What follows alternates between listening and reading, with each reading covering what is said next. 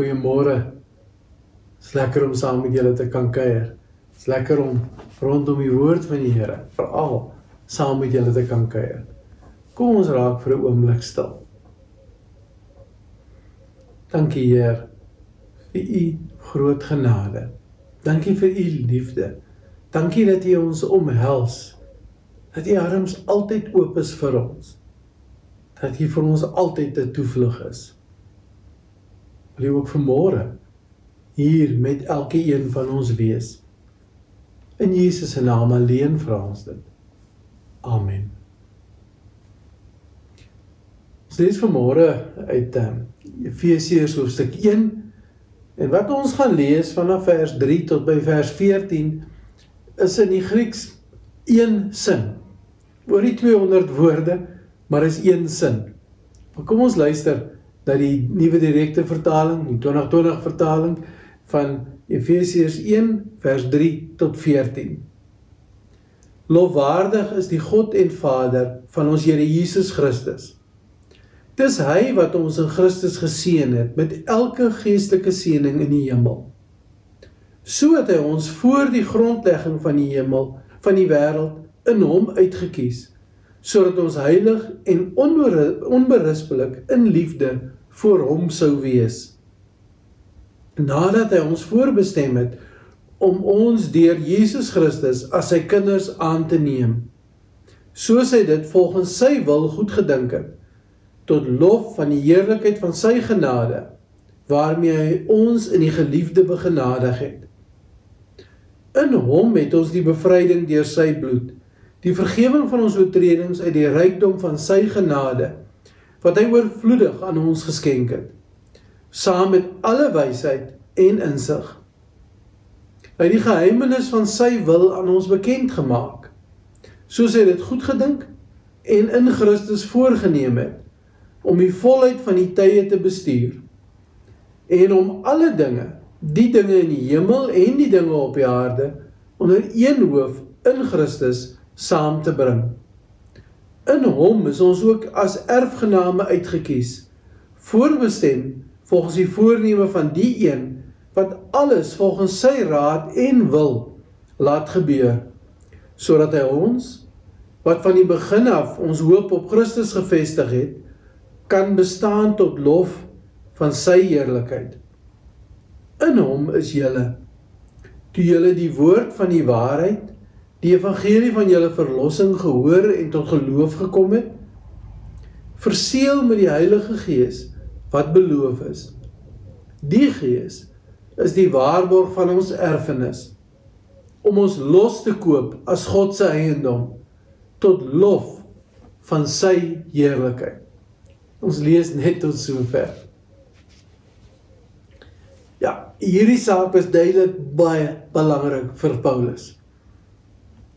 Oor die 200 woorde. Dit is amper asof hy of asof hy nie wil eers asemhaal nie. Hy wil net hierdie punt van hom maak. Dit is 'n lang sin. Maar is 'n punt wat Paulus op ons harte wil druk. En die punt is God is lofwaardig want hy kies ons, hy verlos ons en hy beseël ons. Kom ons begin by God wat prysenswaardig is. In die Grieks is daar so 'n woordspeling tussen die woordjie lofwaardig en die woordjie seën, daar in vers 3. Presies dieselfde Griekse woord word hier gebruik om die dubbele betekenis van die Hebreëse woord barak uit te druk. Die seën ehm um, of die die die die seën loop eintlik twee kante toe in die Hebreëus. God word geseën geloof van ons kant af en God seën ons. Ja, is eintlik juis omdat God ons seën dat ons antwoord met lof, met seën, met berak dit wat ons teenoor God betoon. In hierdie hierdie seën word vir ons mooi beskryf. Hy skenk lof en seën aan ons in Christus met elke geestelike seëning in die hemel. God hou niks terug nie. Hy skenk alles. Hy skenk homself aan ons. En Paulus in hierdie lang sin bring dan drie maniere op hoe God ons seën, hoe God ons in hierdie verhouding met hom bring. Eers kies hy ons tot lof van die heerlikheid van sy genade sê vers 6.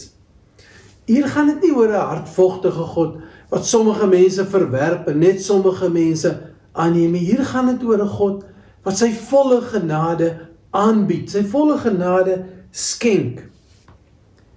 Johannes Calvin het dit daar in ehm um, Genève in Switserland waar sy gemeente uit 'n groot klomp godsdienstige vlugtelinge bestaan het, telke male gebruik om vir hulle troos te bring. Hulle wat vlugtelinge was, hulle wat niks gehad het, hulle wat van hulle met hulle lewens geboet het, is geseën deur God, want hulle is gekies deur God om sy genade te ontvang. So dis 'n troosboodskap vir my en jou ook. Dat hierdie seën van God, hierdie kies van God vir, vir ons is God wat ons raak sien. God wat lief is vir ons. Dis troos vir my en vir jou in moeilike tye. En deur hierdie verkiesing word ek en jy ook verlos. Die 2020 vertaling gebruik die woord bevry. En ons dink baie maal daaraan wanneer die Bybel praat dat ons verlos is. Ons praat sommer van verlos van ons sonde. Dat dit net gaan oor die losmaak van iets, net gaan oor wegkom van iets. Maar dit beteken eintlik veel meer as dit. Vers 14 herinner ons daaraan dat hierdie verlossing is nie net 'n losmaak van oortredings nie. Dis eerder 'n vasmaking aan God. Ons word God se besitting, sy volk gekoester deur hom. Malagi 3 vers 17 stel dit vir my so mooi. God praat oor Israel na al die moeilikheid wat hulle veroorsaak het, na al die afdwaling en dan sê hy, maar hulle sal my persoonlike besitting wees, my persoonlike eiendom wees. Ek sal deernis moet hulle hê, soos 'n man deernis het met sy seun. God gee om. En dit is hoekom hy verlos. Dit is hoekom hy vir ons nader bring na hom toe. En dit alles word verseël met die Heilige Gees sê vers 13. Ons word gemerk soos Openbaring ook sê, ons ontvang die seël van God. Die seël van Christus sê 1 Korintiërs 1 vers 22. Dis presies dieselfde woord wat gebruik word in, in Matteus 27 as daar gesê word hoe die soldate Jesus se graf geseël het sodat daar nie meer gepeter kan word nie. Ek en jy is geseël met die Gees, deur die Gees sodat daar nie aan ons gepeter kan word nie. Sodat ons nie uit God se hand geruk kan word nie. Soos jy soos Johannes 10 sê. Ek en jy is gekies Ons is vasgemaak aan God verseël deur die Heilige Gees. Geen wonder Paulus kan amper nie eers asemhaal met die verduideliking van hierdie ongelooflike waarhede nie. God gee om. God doen alles van sy kant om ons aan hom vas te hou. Alles tot die lof van sy heerlikheid. Dit dit is wie ons is. Gekies, vasgemaak aan God, geseël deur die Heilige Gees in Christus. Leef uit hierdie ongelooflike belofte van God vandag. Amen.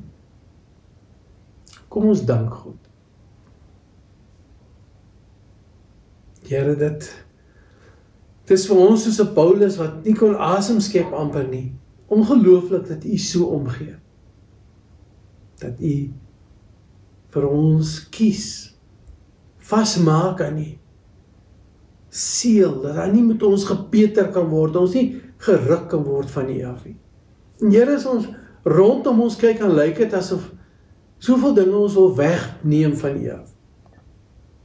Maar Here, dankie dat ons dat ons tog te midde van 'n vreemde tyd wat ons leef, van die politiek tot gesondheid, nog steeds vasgemaak, gekies, geseël is deur U en in U en met U.